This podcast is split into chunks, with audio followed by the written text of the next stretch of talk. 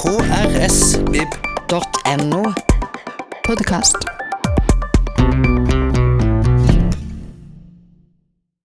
I dag har vi altså fått besøk av noen, av noen meget flotte folk. Ærefullt for oss å få besøk av nominerte til Sørlands litteraturpris. Ikke alle, men en flott bukett her. Og jeg skal ikke si mer om det. Jo, det skal jeg si. At uh, vi har sånn stemmeurne her oppe. Så gå gjerne og stem etterpå, eller ta med seddelen og tenk dere opp og lever. Jo flere som stemmer, jo gøyere er det. Så da skal ikke jeg si noe annet enn at jeg overlater da roret til Steinar Nilsen. Ta godt imot han. Takk skal du ha. Og hyggelig å se mange mennesker her. Eh, jeg eh, er eh, journalist og har jobbet i litt dagspress og litt i kringkasting. Jeg var redaktør på NRK Sørlandet her borte på Tangen noen år også, hvis noen husker det. Nå skal jeg ha æren av å snakke med forfattere som er nominert til Sørlandets litteraturpris. 24.4 så deles prisen ut her på fredagslunsjen i Kristiansand. I mellomtida så skal dere stemme, som det ble sagt her. og det håper jeg jo at dere gjør. Det er uh, seks uh, bøker som uh, er nominert. Og jeg skal fortelle om alle, men det er tre forfattere som er representert her, og som vi skal komme tilbake til. Det er Camilla Bøksle og Bjørn Arild Ersland og Knut Dørum. Knut Dørum har sammen med Eirin Holberg skrevet denne boka her. 'Arendal før kjøpstaden' kommer vi tilbake til. Så er det Annemor Sundbø, 'Koftearven'. Og den tredje i kategorien sakprosa, det er Nasnin Khan Østrem, som har skrevet om London. Det er tre sakprosabøker, og det er én som skal uh, vinne i den kategorien. Og så er det tre som er nominert i skjønnlitterær kategori. Det er Carl Ove Knausgård med 'Fuglene under himmelen'. Så er det Bjørn Arild Ersland, som dere skal få treffe nå, som har skrevet 'Bekken'. Det er mye å holde styr på her. Bekken. Og så er det Camilla Bøksle, som også er her, og som uh, har skrevet 'Det er vakrest når det skumrer'. Da skal vi begynne med, med, historie, vi. Så hvis du kan komme opp og ta plass her, Knut, så starter vi der. Skal vi se. Det er lyd og greier. Jeg lurte på om jeg også skal si til dere at uh, det er en uh, For første gang så er det også en barne- og ungdomspris, Sparebanken Sør uh, barne- og ungdomspris, som skal deles ut den 24. Og de som er nominert der, det er Gaute Heivold og Børge Breden Bech med 'Klokkerens evangelium'. Line Baugstø 'Vi skulle vært løver'. Og Heidi Severeid bruddlinjer. Der, det, det, er ikke en pris som dere skal stemme på. Er, der er det en fagjury som uh, velger ut hvem som uh, vinner den prisen. Men Knut Dørum, denne boka her, stor og tung og fin, uh, men den er ikke den eneste. Det skal komme tre sånne. Totalt, ja. Ja, totalt. Ja. Uh, skal si først, du, Mange kjenner deg kanskje her i byen, men uh, du er professor og arbeider med historie på Universitetet i Agder. Stemmer. Og har uh, skrevet denne boka her, ført den i pennen. Det er vel en del mennesker som, som har stått bak og skaffet fram materialet her, men Eirin Holberg og du har, har ført den i pennen. Er, ja, Det å være forfatter er jo en det er en jobb du må stort sett gjøre aleine. Altså. Ja. Jeg tror folk glemmer det. Du syns jeg snakka ned eh, forfatterrollen? Da? Jeg syns det. jeg tror dere glemmer hvor mye, altså, hvor, hvor mye arbeid en forfatter gjør, og hvor lite de andre gjør. ja, veldig bra, veldig bra, på, veldig bra påminnelse. Men, eh, men, redaktøren, altså Lars Aase, har gjort en kjempejobb. Altså. Mm. Det må jeg si. Ok, da. Ja. Men, uh, men dere, dere, skal skrive om Arendals eh, by- og regionhistorie. Og så starter dere like gjerne med istida, dere. Ja, gjør det. Take, take, take it easy, er ikke det går sånn, ja. uh, ikke sant? Ja. 10 000-12 000 år tilbake i tida. Mm. Uh, hvorfor er det viktig å starte der? Det er jo da menneskene kommer ruslende opp her. når isen går, når isen trekker seg innover, og så plutselig åpner det seg et tundralandskap som vokser opp dvergbjørk. Og så er det plutselig noen dyr man kan ja- jage. Det er, hva slags dyr er det? Reinsdyr, er det ikke det? Ja, kanskje det. Ja. Mm. Jeg har aldri vært noen god reinsdyrjeger, men altså, den gangen så kunne man det virkelig. Også. Den gangen så var jo alle jegere. Og sankere. Og, og, og på hele Agderkysten så har man jo funnet spor etter bosettinger, og man har Ja. funnet uh, uh, sol borti Søgne, og man har uh, ja, Ja. I det hele tatt. Tydelige spor. Tydelige spor. Og Sørlandet er jo vært tidlig ute. Både Arendal og Kristiansand. Du må ikke glemme Kristiansand. dette? Nei, altså jeg, var, jeg, jeg lurte litt på om det går an å snakke så mye om Arendal her i Kristiansand, men eh, Kristiansand har en rolle uti her, de òg, som vi Det kommer tilbake til. En spennende rolle. Ikke sant? Ja. Uh, men uh, du har uh, bidratt både her og der i denne boka, men du kommer sterkt inn sånn på 1349-punktet, har jeg skjønt. Og 1349 har vi lært på skolen at det var svartedauden. I disse koronatider så er det ikke noe hyggelig å snakke om epidemier, men eh, det var, eh, det var en, en viktig milepæl. Ja, det er, er jo det. Det førte til at folketallet kanskje ble halvert Ja. i løpet av et år. Og det er jo, Grunnen til det er jo at uh, vi hadde rotter. Husene fulle av rotter. Uten rottene så hadde ikke dette vært noe problem. Nei. Så husk på å ha rottefrie hus. Så er ikke det her noe problem. Det er rådet nå, altså. Ja, ja. Men uh, du sier at uh, halvparten av befolkningen døde. Gårdene ble forlatt. Vi fikk uh, ødegårder, som det heter. Ja. Og kan man også si at altså det at folk forsvant Da forsvant jo også skattene og bidragene til, til de som uh, utbyttet de fattige. Uh, går det an å si at svartedauden førte til at uh, det ble litt mer egalitært? Absolutt. Altså, man kunne jo velge og vrake mellom gårder. Man kunne flytte fra en grisgrendt bygd ned til et, eh, en flatbygd ned til kysten. Man kunne, altså det var, man kunne da overta ikke bare én gård, men flere gårder, legge dem sammen og drive st mye større gårdsdrift. Og vi ser ve viktigste uttrykk for velstanden er jo at man betaler skatter mer i smør enn i andre produkter. Det å kunne betale skatt i smør, det er uttrykk for velstand. Smør er dyrt å produsere. Smør er kostbart. Det er luksus.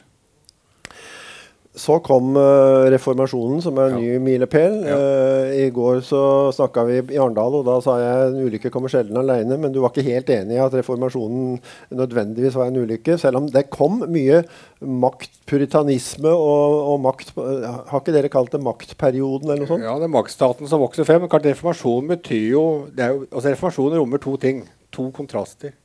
Det ene er det autoritære. Ovenfra og ned. Krav om lydighet. Krav om at folk skal følge den ene rette lære. Følge sannheten. Vi, vi lutheranere representerer sannheten.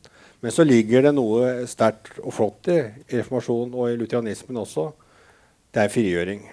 Frigjøring også fra autoriteter. Det at hver enkelt skal skaffe seg kunnskap og forståelse av Gudsordet. Ha ansvar for det selv. Å kunne gå ut og forkynne det allmenne prestedømmet. Hvem som, alle er vi prester, våre egne prester. Det, I det ligger det jo en veldig revolusjonær kraft.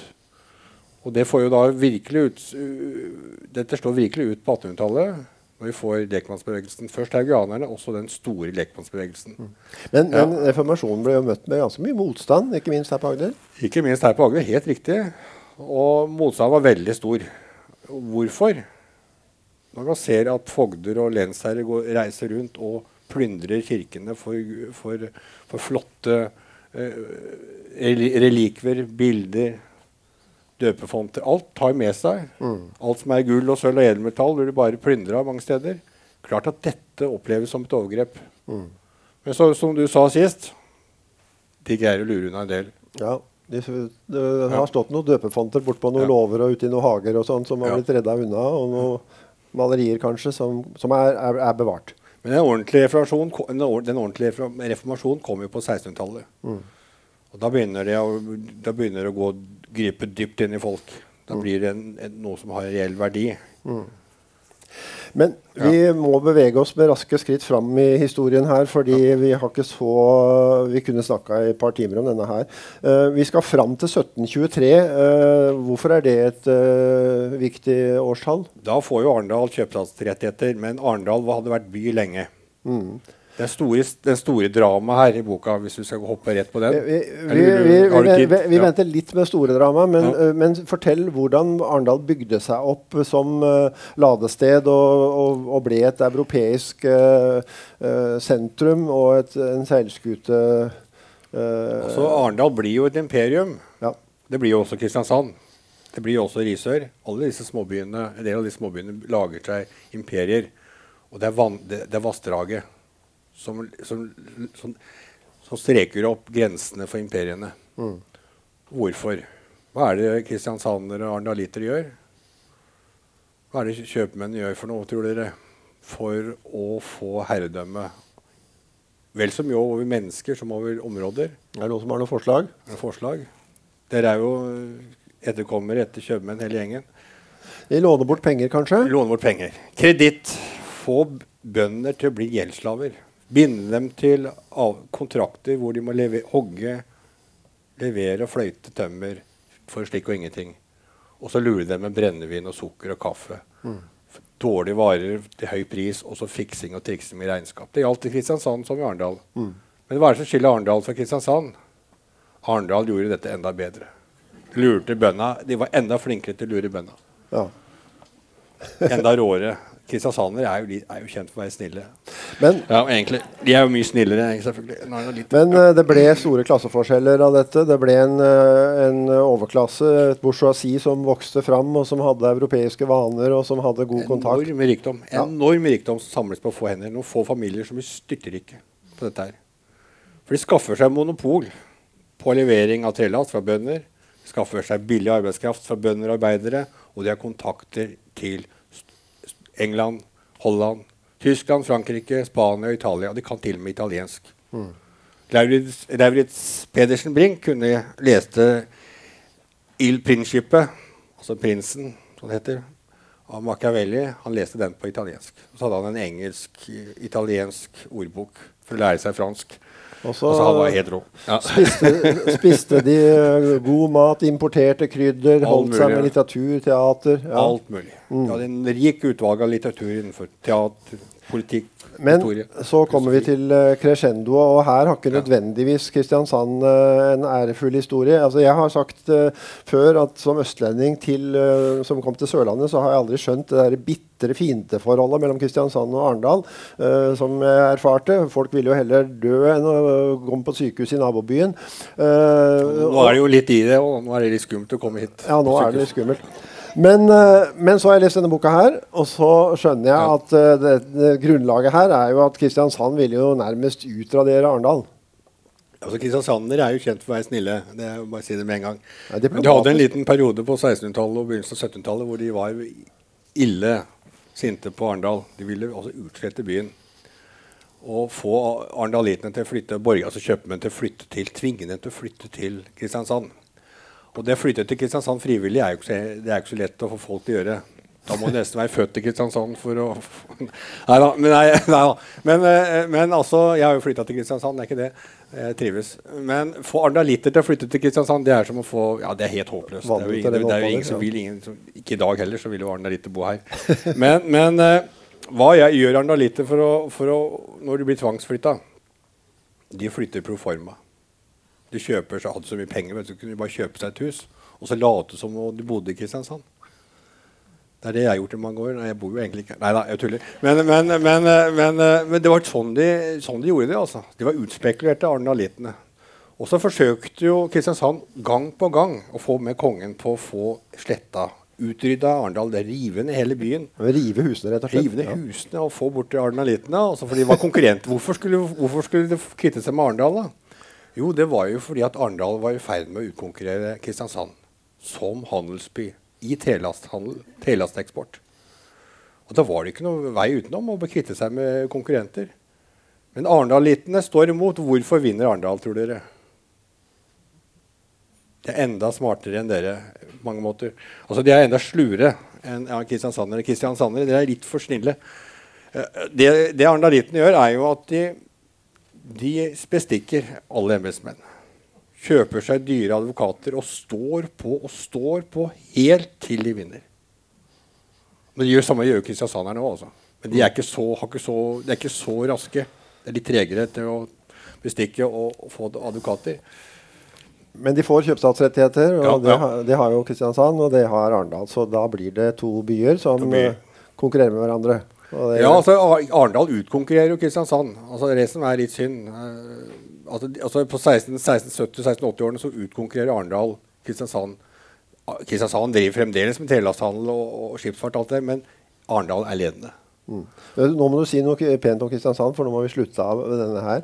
Det er en herlig by å bo i. Eh, mange, pene, mange pene mennesker i byen. Det er jo det er riktig. Nei, altså Kristiansand har jo en spennende historie. De, de driver med det samme som Arendal.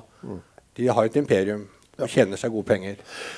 Og vi kan vel, Ja. si, vi kan vel si det avslutningsvis Ja. her. Vi er framme ved 1723, som er Arendals, da, eh, året hvor Arendal blir kjøpstad. Men denne boka handler om hele regionen, og den handler om uh, historie fra Lista i vest og til uh, Risør i øst. Så den kan anbefales. Jeg tror vi må slutte der hvis vi skal komme gjennom lista vår på seks bøker. Takk skal du ha. Veldig bra.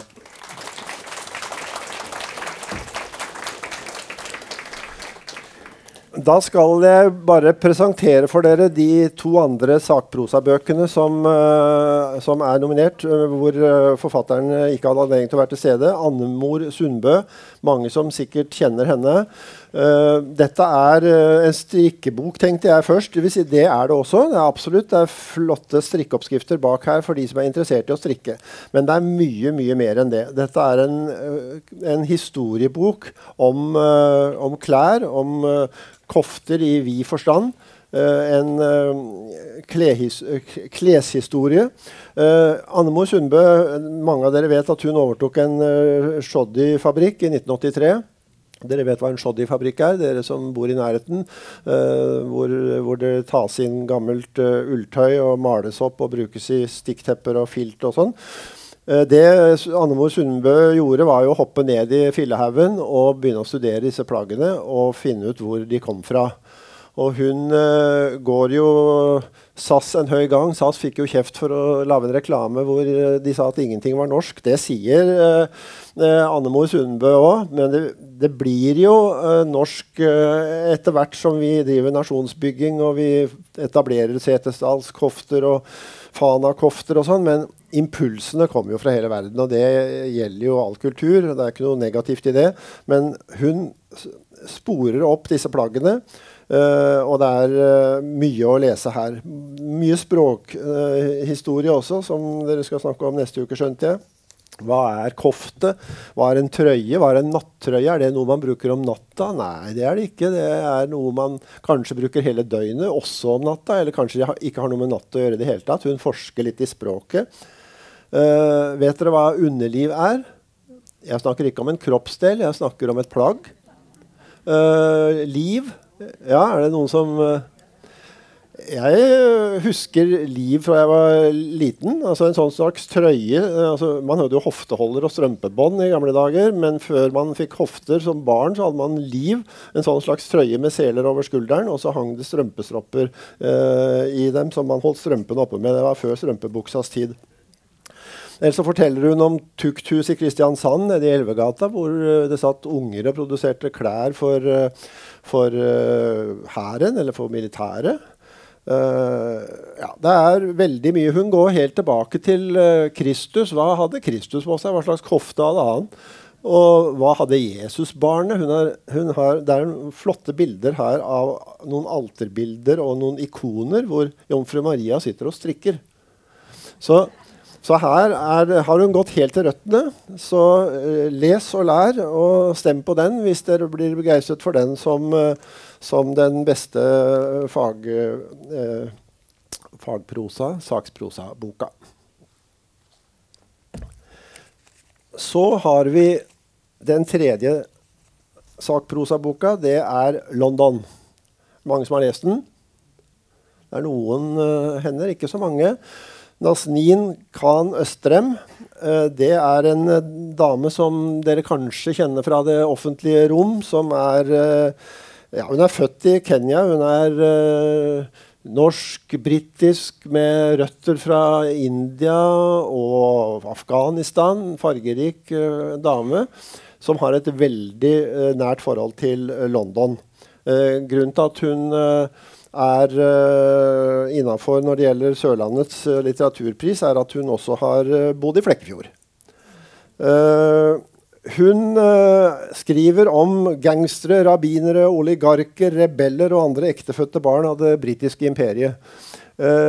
hvis dere kjenner London, så vet dere at London er full av bydeler som preges av de nasjonene som har slått seg ned der først. Noen bydeler er overtatt av andre grupper etter hvert osv. Eh, det britiske imperiet uh, ga jo alle uh, imperiets barn anledning Når det britiske samveldet ble etablert, så ble, så ble, det sagt at de som tilhørte det gamle imperiet, de har adgang til uh, de, de britiske samfunnet.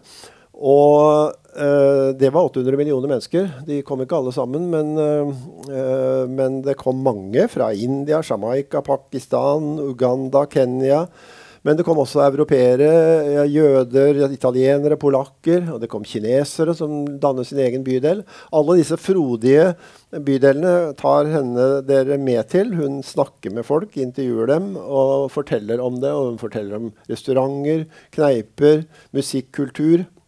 Det er ikke en guidebok. det er en... Uh, en uh, historie om, av, om, Londons hjerte, men den kan absolutt brukes for den som skal reise til London og gjøre seg kjent med byen og skjønne uh, kultur uh, Den multikulturelle byen. Det er jo en smeltedigel litt vanskelig, eller kanskje henger det sammen med den holdningen som mange briter har nå til uh, verden utenfor, og som virker litt mer iso isolasjonistisk i forhold til uh, brexit-prosess osv. Men, uh, men vil dere bli kjent med London, eller er dere kjent med London og vil vite mer om den, så er dette boka. Så skal vi nevne den første av de skjønnlitterære bøkene som er nominert, det er eh, Carl Ove Knausgård, som har skrevet en bok som heter 'Fuglene under himmelen'. Og eh, den, den, har han laget sammen med en som heter Steven Gill, som har bidratt med fotografi. Det er en liten, tynn bok, kanskje en lang novelle. den har vært utgangspunkt for en forestilling som het 'Venter', som, som ble vist på, på Festspillen i Bergen i fjor. Uh, men det er også en, en bok, altså, en uh, roman, som kan leses uh, uavhengig av det. Og som er en tett beskrivelse av forholdet mellom tre generasjoner kvinner. Det er en gammel mor som er pleietrengende, og det er datteren som pleier henne, hjelper henne. Og som Hun er sykepleier av yrke, jobber på sykehus. Og så dukker datteren til altså midtgenerasjonen hun dukker også opp. Så det er tre generasjoner kvinner. Det er relasjonen mellom dem som beskrives veldig hverdagslig, men ganske intenst og ganske eksistensielt. Og så er det disse fuglene som uh, flyr og dekker himmelen, og som lever sitt liv tett innpå. Uh, kanskje uten det uh, perspektivet eller skyld eller forpliktelser som disse kvinnene går og uh, føler seg litt uh, innemurt i. Det, det, fortelles om en fugl som bygger rede på en stolpe like i nærheten. Og når eggene er ferdigruget og ungene kommer ut av egget, så kommer hauken og tar ungene og spiser dem opp. Så kommer fuglene igjen neste år, gjør akkurat det samme. Legger egg, ruger og ungene klekkes ut, og hauken kommer og dreper ungene. Og den, den lever eh, på mange måter da i øyeblikket, og den er like optimistisk hvert eneste år. Og, og, gir ikke opp, og gleder seg til å legge egg, og blir skuffet eller opplever at disse Uh, denne hauken kommer og tar, tar, ungene. Så denne kontrasten mellom dette, disse fuglene og disse menneskene som går og uh, gjerne vil være noe for hverandre, men ikke får det helt til. Det handler denne boka her om. Og det er en bok som eh, er vakkert illustrert med disse fotografiene av fuglene. Da skal vi gå videre til bøker som er representert med forfattere. Og da kan vi begynne med Bjørn Arild. Bjørn Arild Ersland. Takk.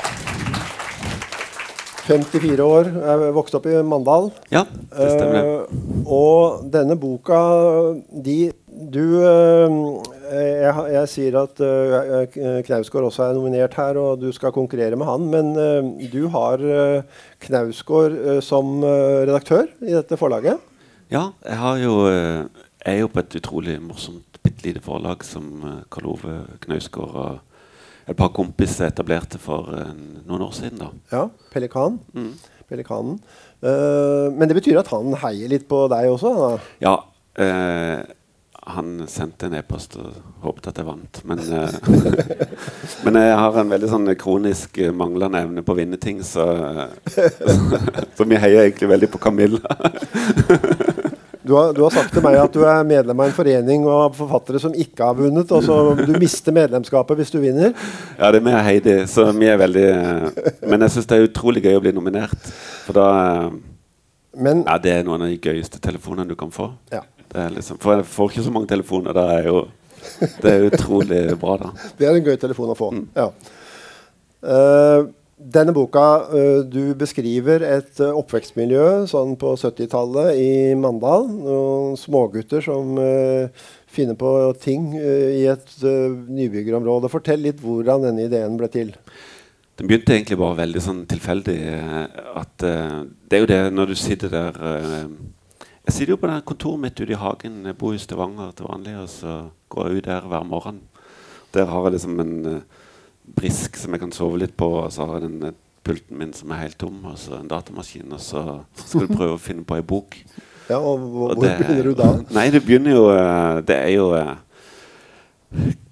Kari, kona mi, hun er jo doktor, og hun lever sånn luksusliv der uh, arbeid bare kommer inn døra hver uh, helt kontinuerlig. Det er bare sånn strøm. Mens uh, Du må finne på noe, du. Må finne på noe hele tida. Ja. Noen ganger så prøver jeg å finne på ei bildebok, f.eks. Eller ja, jeg skriver mye sånne rare sagprosabøker for uh, Ja, og skrevet mye barnebøker og sånn. Ja, mm. og, og, noen ganger så F.eks. i høst så var jeg 16 da ute i Barentshavet for å skrive en bok om økosystemet som nå blir påvirka av klimaendring og sånne ting. da. Mm. mm. Eller så. Ja, og så er det av og til jeg skulle prøve å skrive en roman, ikke sant? og der har du ingenting, liksom. Og da um, drev jeg med sånn, uh, sånn messenger-pingpong med en annen redaktør som, som av og til han sa at kona var bortreist, og Kari var heller ikke hjemme. vi satt og Så begynte vi med sånn eh, tekstpingpong og sendte ting fram og tilbake. Mm. Og så Og så plutselig så sendte jeg en setning til han, så sa han Der er det jo begynnelsen på en roman, sånn. Og så og så ja, jeg tenkte Han er jo redaktør for mange, han, så da er det vel det, da. Så det jeg skrev da, det var um, Jeg vil starte med begynnelsen. Nede i Siv med kloakken der jeg og kompisene mine går. Mm. Og, så, og så sa han at dette er begynnelsen på en roman. Ja. Men uh, dette er uh, henta fra litt uh, din egen barndoms virkelighet, men du har uh, laget en fik fiksjonshistorie av det. Det er smågutter som rusler rundt i et litt uferdig byggefelt. Det er en sånn kloakkdam-sak nedi der, og de skal bygge en sivbåt. Ja, dette her pågår jo på Skjepstad, som lå i nærheten av Skaufjorden. Der de gjorde det geniale med at du eh, kjørte bygde en del som byggefelt rundt, og så slapp du all kloakken ned i en sånn terskelfjord som gjorde at det, eh, det lukta jo helt forferdelig der som vi vokste opp. Mm. Og de bekkene var jo noe skikkelig graps. Mm. Så der lekte vi jo veldig mye. da. Mm. så det, og så er det dette Sivbåt-prosjektet, fordi det var jo enormt tøft med Heierdal. og alt det han fikk til med Siv. Så vi hadde jo noen sånne byggeprosjekter. Men uh, de var ikke så ambisiøse som det de guttene her. da. Men uh, dette er, handler jo om gutter som altså den fantasien. De skulle bygge en sivbåt som Heierdal. De skulle komme seg ut på denne elva eller eh, over på en holme, og de skulle leve av det de eh, fanget. Det, det er ikke helt realistisk, men det er ganske typisk for sånn, smågutter å gå i gang med sånne prosjekter. Ja, jeg hadde et sånt prosjekt oppe i Øyslebø en gang. Vi skulle leve hel helg med å så tvinne noen sånne bjørkeris med presenning. og drive langs en flod og bare leve det med. fant. Og det, det er jo en sånn drømme du har, og vi endte jo skrubbsultne og fikk influensa og masse tull. Det var Men, men det, dette er den ytre historien. Og så øh, Jeg har jo sagt til deg før en gang at øh, jeg kjenner meg veldig igjen. Jeg vokste opp i Drammen, men jeg kjenner meg veldig igjen i den der alderen hvor man ikke var så liten at man egentlig ikke hadde noe ansvar, men var i ferd med å bli så stor at man burde kanskje få litt ansvar, og lever ganske fritt i det spenningsfeltet mellom uh, hva skal jeg egentlig ha ansvar for, og, så for, og, og man dras mellom noen kamerater og mammas fang, nærmest. Ja, og det er jo mye av det som jeg syns er ekstremt gøy med å skrive roman. Og når du da kan skrive mot en redaktør som Karl Ove. Fordi at bøkene blir veldig ulike avhengig av hvilken redaktør jeg skriver mot. Og han er sånn grenseløs og sånt. Og da kan jeg liksom skrive på plass selve den der universet som de er i. Men så er det det å finstille den logikken og helt, helt tatt den der verdensforståelsen til en gutt her som kan være sånn Han er helt sånn på vippet mellom å være barn og ungdom, da. Der du skjønner at uh, nå må jeg snart ta ansvar for det jeg gjør, liksom. Men det er ikke sikkert jeg trenger å gjøre det, fordi jeg kanskje bare kan hvile på de andre likevel. Og, Ja. Men da skal du liksom Du skal liksom fintune det sånn superfint. Og det er Da er du liksom i denne Der du er sånn søkkrik i forhold til når du starter en roman og du ikke har noe, og, du, og du bare kommer opp der det at du vet dette blir faktisk en bok. Den skal bare, den skal bare stilles helt sånn superfint inn. Og Men jeg, jeg fikk den klumpen i magen som jeg hadde da jeg var liten. noen ganger hadde våga meg litt for langt utpå et eller annet. Og det, det eksistensielle der, det klarer du å, å få fram. Den stemningen uh, her. Uh, denne uh, jeg-personen i boka eh, dras jo hele tiden mot disse kameratene. Han har ikke så veldig lyst til det. Han vil gjerne dilte etter pappa og bestefar, som driver og lager murer og plattinger og sånn rundt huset. Ja. Og det er veldig sånn eh, Det var jo en, bit av det som var gøy å skrive. Det var å kunne skrive sånn fysisk bygging rundt et byggefelt. byggefelt. Det heter jo byggefelt, for du skal bygge ekstremt mye, da. Og det er murer og plattinger og, og sånne ting, da. Og da kan en liksom bare Det er mye god sånn byggefeltsnerding her, da. Ja.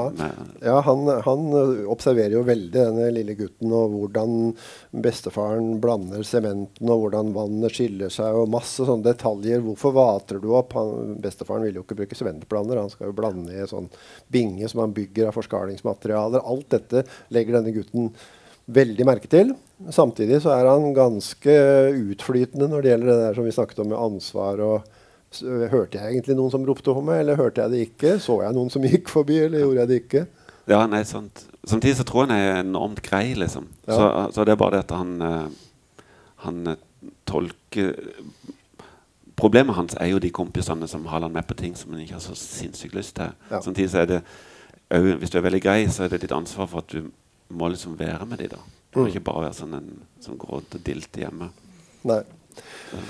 Det skjer jo dramatiske ting her i denne boka som vi ikke skal uh, si for mye om. Men uh, det er uh, som sagt en fortetta stemning. Det er en kort bok. Du var på et eller annet tidspunkt bekymra for at den ble for fort ferdig.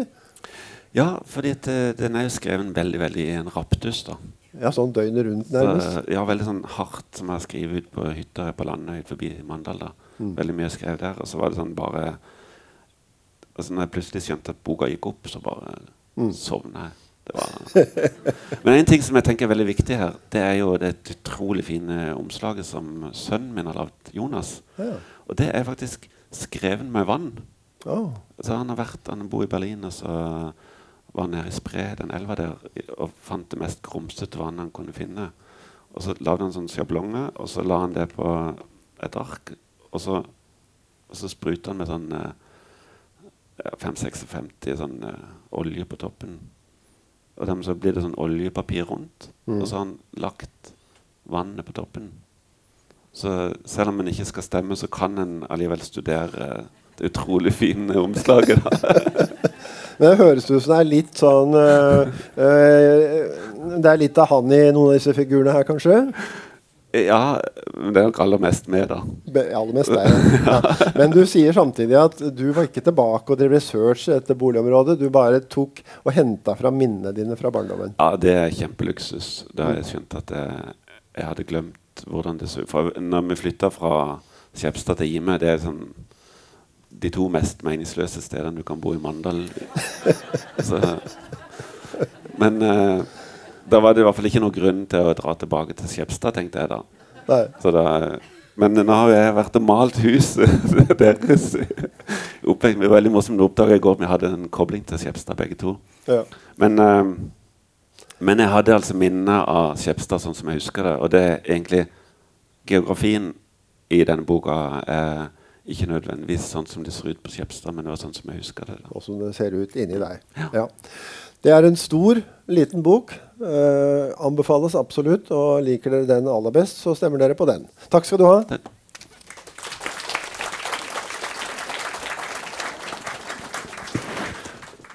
Da skal vi bare skifte mikrofonen til eh, Camilla Bøksle, som da er eh, siste kvinne ut her.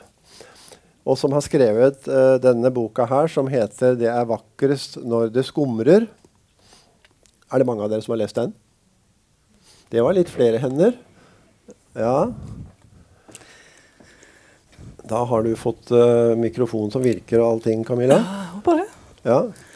Du uh, har uh, bakgrunn som eh, lærer, og er nå ute med denne boka som debutant. Det er din første bok. Ja. Eh, det var noen hender i været som hadde lest denne boka, og kanskje har det en forklaring at eh, det, den er bygget rundt en, eh, mange samtaler som du har hatt med en eh, virkelig person, din eh, farfar, som eh, virket her i Kristiansand.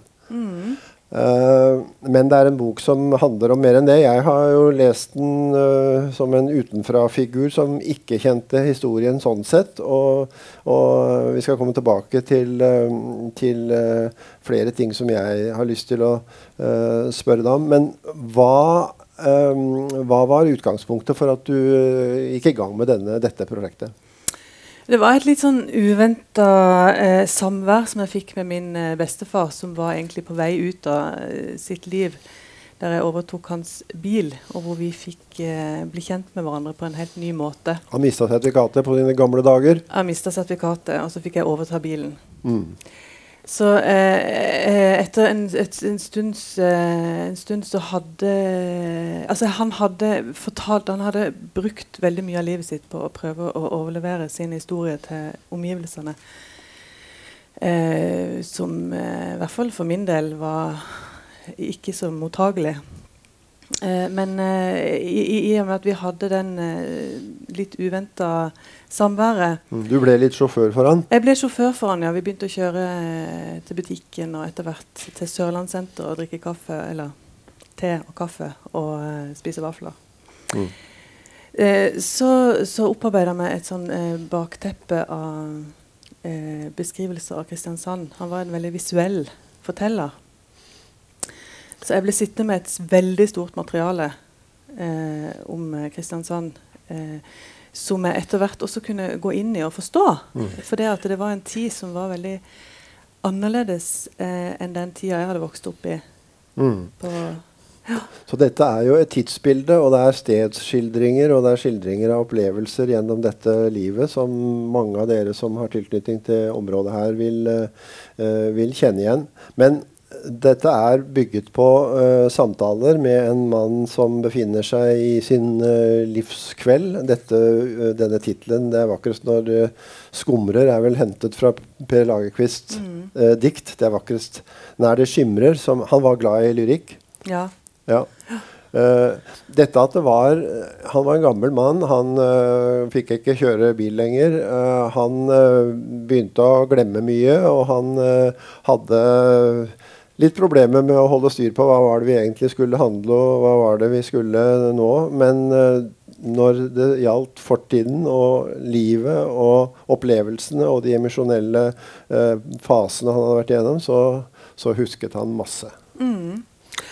Han, han, var jo i en tilstand i livet der eh, morgendagen og gårsdagen og det som nettopp har skjedd, og det som skal er borte, det er uvesentlig. Mm. Og der eh, hans, eh, hans liv eh, han, han, gikk bakover i livet sitt. Og veldig tilfeldig så satt jeg der og faktisk hørte etter hva han sa, sånn at Mm. han fikk gjøre det da, Mm. i de fem årene vi var sammen. Men det jeg var litt inne på, eh, dette, er- det kunne vært en biografi. Det er det ikke. Det er, en, eh, det er blitt en bok som har løftet seg ut av det, syns jeg. Og det, en av de som, tingene som er spesielle ved livet hans, men som veldig mange av oss kjenner, kjenner oss igjen i når vi begynner å bli litt godt voksne, det er hva har vi gjort med livet? Eh, levde vi det livet vi ville leve? Han kjempet hele tiden mellom det å leve i et eh, ansvarlig eh, borgerlig yrke og det at han var en kunstnersjel. Det var hele tiden rivningen i livet hans. Jeg skulle vært kunstner, jeg skulle vært maler, jeg har ikke vært på Posten, sa han jo. Ja. Og han opplevde seg jo sjøl begrensa av omgivelsene. Eh, både av yrket sitt og etter hvert ekteskapet sitt og alt ansvar han hadde. Mm. Eh, men eh, i, løpet av den tida hvor jeg ble kjent med han som noe mer enn min eh, bestefar, som jeg hadde avgrensa han til, Mm. som man jo ofte gjør når man Mm. er barnebarn, eh, og ble kjent med det mennesket jeg hadde da foran meg, så, så opplevde jeg det kanskje mer og mer det at han, han begrensa seg sjøl. At han ønska Ikke ønska det, men at han, han begrensa seg sjøl og trengte den begrensninga for å kunne skape. For det at det var i selve lengselen etter det at eh, hans eh, skaperkraft lå. Du har jo valgt, øh, og jeg-personen i denne boka heter Camilla. Det er det samme som du heter. Og han øh, Birger øh, Bøksle. Uh, mange vil uh, kjenne han som den syngende postmester på Lund. Han han kom jo hele tiden tilbake til sine kreative sider. Han sang, han holdt nærmest kafé-hus på det posthuset og var mer konsentrert om de menneskene som kom, enn eh, de frimerkene som lå på bordet, tror jeg. Uh, han, han spilte teater eh, i studenttida. Han malte. Han, han, han malte jo. Ja, var- Så du uh, sier et sted at du, han sier 'jeg skulle vært maler', og så sier du 'du har jo malt litt', da. Det står Ja. jo noen Ja. bilder her. Ja, det var et eks en ekstremt stor produksjon, produksjon av veldig mye veldig flott mm. malerier. Men dette tidsbildet hvor det var viktig å få seg et uh, skikkelig yrke som var sikkert, og han uh, begynte på postskole og uh, gikk den veien. Han forelsket seg i en kvinne som ble hans kone, og som, også, som han traff på postskolen, og som også virket her i Kristiansand som personalsjef for, for Post. Hun ble jo øh, Hun var den stabile, kanskje. Hun var meget stabil, ja. Ja, stabile faktoren i, i det parforholdet. ja. Ja. Men én ting er det som skjedde inni han, at han eh, kjempet eh, med at han turte ikke helt å, å gå ut i full blomst som kunstner. Han, eh, han følte vel forpliktelser, og han levde i en tid hvor de ikke hadde så veldig eh, store valgmuligheter som han har hatt seinere. De første boligen så flytta de inn hos foreldrene vel hennes, og så var det en vaktmesterleilighet, og de sleit med å finne et sted å bo. De skulle ha barn etter hvert, som ble din far. Ja. Eh, så, så, så han levde vel hele tiden den dualismen mellom å, og bli ved sin lest som en ansvarlig postmann, men samtidig eh, så dro, og, så dro dette kunstnergenet hans i han. Mm. Ja, og han klarte jo altså Det, det syns jeg jo er fascinerende også å, å se hans eh, altså Det lå bobler i han helt fra han var bitte liten. Så lå han og forma var, Levde nok i stor grad i sin egen verden, har jeg inntrykk av. Og, levde, og, og smakte på ord og smakte på eh, poesien og ønsker seg veldig ønsker å bli oppløfta eh, hele tida, og etter hvert også absolutt hele tida. Mm. Eh, men, eh, men det er fascinerende også å se hvordan altså disse avgrensningene da, som krigen og sånn boligmangel og som eh, ja, den, den, livssituasjonen som han er vokst opp i og, og sto i. Allikevel at han klarte å finne Han klarte å å dra til seg Han sto på posthuset i, i Oslo. Um, de bodde på denne vaktmesterleiligheten med vaktmesteren på kjøkkenet. Ja. Uh, uh, det, var, det var jo en sånn pussig historie. Bare ja. skyte inn det hvor, hvor uh, de fikk låne en leilighet av en vaktmester som var bortreist. og Så kom vaktmesteren tilbake mens de bodde der. Og så er han så sjenerøs at han sier 'jeg kan sove på kjøkkenet', ja. så kan dere fortsette å bo her. Det sier jo litt om boligsituasjonen. Ja, det sier veldig mye om boligsituasjonen. Eh, og han da, hadde jo en sikker jobb. Sånn at han var jo en, sånn sett privilegert. Han var nyforelska, de hadde ikke barn enda. Mm. Eh, så han hadde på en måte Det å drive og drømme om kunsten var, var nok ekstra, liksom ekstravagant, tenker jeg. Mm. Eh, men så var han på, på postkontoret, og så eh, dukker da Sverre Gjertsen, som er maler da i dobbelt forstand, både husmaler og utdanna kunstner. da. Mm. Og hvordan han da får kontakt og, og endelig får eh, lov til å ha samtaler om, om, det å male, og får også eh, undervisning etter hvert av han. Og den eh, store løftninga som er i han da, og eh, det, det var spennende å, å lære om, syns jeg. Sliter han litt på omgivelsene sine også med, med denne dualismen sin? Mm. Ja. Han gjør det. Han krever mye. Mm. Han krever å bli, eh, bli sett eh, mm. på det hele tida. Og også blir, krever å bli sett på det at han, at han er begrensende eh, hele tida. At han egentlig skulle vært et annet sted. Han uh, har mye humor, og han uh, siterer forfattere. Han, uh, det er mye som, som kommuniseres. Han blir litt sinne av rang noen ganger òg. Er det mm. disse kreftene som uh, motsetninger? Ja, som det er litt sånn som jeg sa, at han, han etter hvert, og særlig også et, i den tida hvor jeg på en måte ble kjent med han, var han da var det jo helt ufiltrert. på en måte. Før hadde han jo hatt en viss uh, kultivert uh, sånn i forhold til omgivelsene sine. Men da var det sånn at han måtte være i den løftninga 100 hele tida, absolutt. Og jeg mm. husker um, særlig det vi kjørte mye bil. Mm. Eh, eh, og han tok til seg absolutt alt som foregikk rundt seg hele tida av formasjoner i, i, i fjellet og, og sånn. Men idet vi kom inn i en tunnel, så ble han altså he helt krakilsk. Det var som å ha med seg en sånn toåring inn et kjedelig sted. Og det var på en måte som om alt ble kutta av av ja. hans eh, ja. Hvordan han mottok, mottok eh, signaler hele tida. Av, ja, av form og farge og, og liksom dybde og, og sånn. Og idet vi kom inn i tunnelen, så, så var det så, så måtte jeg bare sitte og mobilisere, sånn at vi kom oss ut på den andre sida. Eh, så det var ganske sånn eh, betegnende for åssen han eh, egentlig nok hadde det mm. hele tida. Mm. Og som på en måte ble veldig forløst da når han etter hvert når han ble eldre det er litt paradoksalt. Dere tilbrakte jo mange timer på Sørlandssenteret, på kafé der. Og det er jo litt paradoksalt med en mann med så mye estetisk sans som sitter på sånt litt sånn trist uh, uh, kjøpesenterkafé og snakker. Men, men, han brukte observasjonsevnen sin der og han. Ja. La merke til pene damer og folk som gikk forbi, og fargerike Særlig damene på Brilleland. lyset? Men, ja, og lyset. Det, jeg tror jeg også, altså, det var nok ikke et sted han hadde valgt som vårt uh, Og det var virkelig, det ble på en måte vår gral. altså Det ble vår kilde. Det var, der, det var der det fikk vokse. Det var der de store samtalene foregikk på Sørlandssenteret. Vi prøvde mange andre steder, men det var aldri noe som fungerte så bra som Sørlandssenteret. Og det var nok, altså For han så var det lyset som kom fra taket. Det var mennesker Han kunne sitte og observere mennesker. Han kunne sitte og drømme om å male de. Han var opptatt av skyggevirkningene på Hennes og Maurits-plakater. Altså, han så ting som han ikke ville ha sett før. Mm. da han Eh, ja, så, så meg, til og med for meg så ble Sørlandssenteret, som før var et litt sånn tungt sted å være, det ble mm. lyst og lett og et godt sted. Jeg oppsøker stadig Sørlandssenteret. Det, det, det er viktig hvem man har med seg på Sørlandssenteret. Ja. Uh, Men eh, et litterært eh, grep som du bruker her, det er jo at du går ut og inn av hans uh, tidsbilde, og det gjør han også. Du, du har fortalt meg det tidligere en gang, at uh, han, uh, han levde nesten inn i den tidligere tiden når han kom til de gamle, kjente stedene. Ja. Det var en opplevelse av å gå inn sammen i hans tid.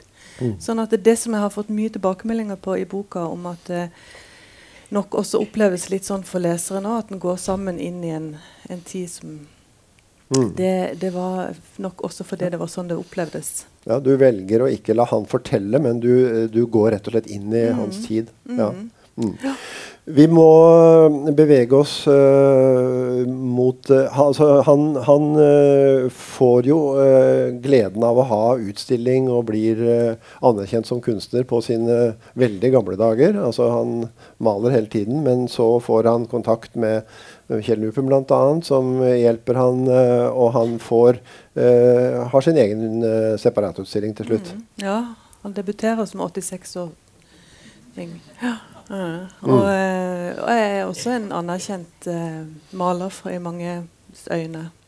Men var det at han håper å si, fikk sitt, gjennombrudd som 86-åring, var det du sa? Øh, var, var det litt trist at det først kom da, eller var det nødvendig at han kjempet denne kampen, og så ble dette et crescendo? Sett i ettertid, og sett, sånn, sett hans liv i ettertid, det kan man jo sitte og gjøre nå, så, så tror jeg at det var nødvendig for han. At han hadde ikke kunnet skape uten de begrensningene. Og han ble jo også sagt, han ble jo intervjua etter denne eller i, i forbindelse med den eh, utstillinga, separatutstillinga, eh, hvor han blir presentert for det at nå er du jo 86 år, du er enkemann, du er pensjonist, du har god økonomi. Nå har du jo all mulighet til å virkelig gi deg hen, som var det han brukte som et Altså Han sa 'å gi seg hen'. Jeg fikk aldri gi meg hen. Eh, men da svarte han med at ja, men er, nå har jeg så mye å gjøre på kjøkkenet. Det skal være helt rent. Så det har jeg fremdeles ikke mulighet til. Og det sier meg noe om at eh, han, eh, han var helt avhengig av å bli begrensa. Det at du øh, så hans kamp med kunstneren i seg gjennom hele livet, eh, hjalp det deg til å tørre å ta hoppet ut og bli kunstner før du ble 50? Ja, jeg tror eh, Altså, de eh, årene der eh, Det lå latent, det lå klart. Eh, hadde i samt, Samtidig som eh, dis, dette møtet her, så, så ble det også frigjort tid i mitt liv. Sånn at de samtalene der har vært enormt viktige for meg. Men han skjønte at du turte å satse på å lage en bok. Ja. Men Han- han fikk ikke se boka, han døde før Nei, den. han døde før det. Ja, det var jo, da han med litt sånn glimt i øyet skjønte det, så sa han du får sende han etter. Ja, du får, du får ettersende. Takk skal du ha, Camilla Takk skal Bøksle.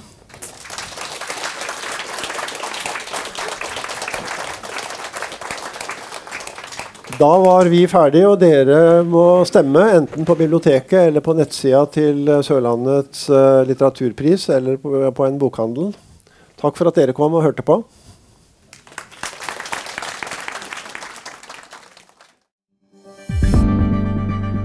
Flere podkaster fra oss finner du på Google Podkast, Apple Podkast eller iTunes, eller ved å stikke innom vår hjemmeside på krsbib.no.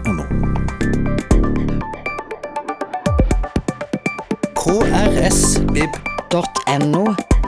Podkast.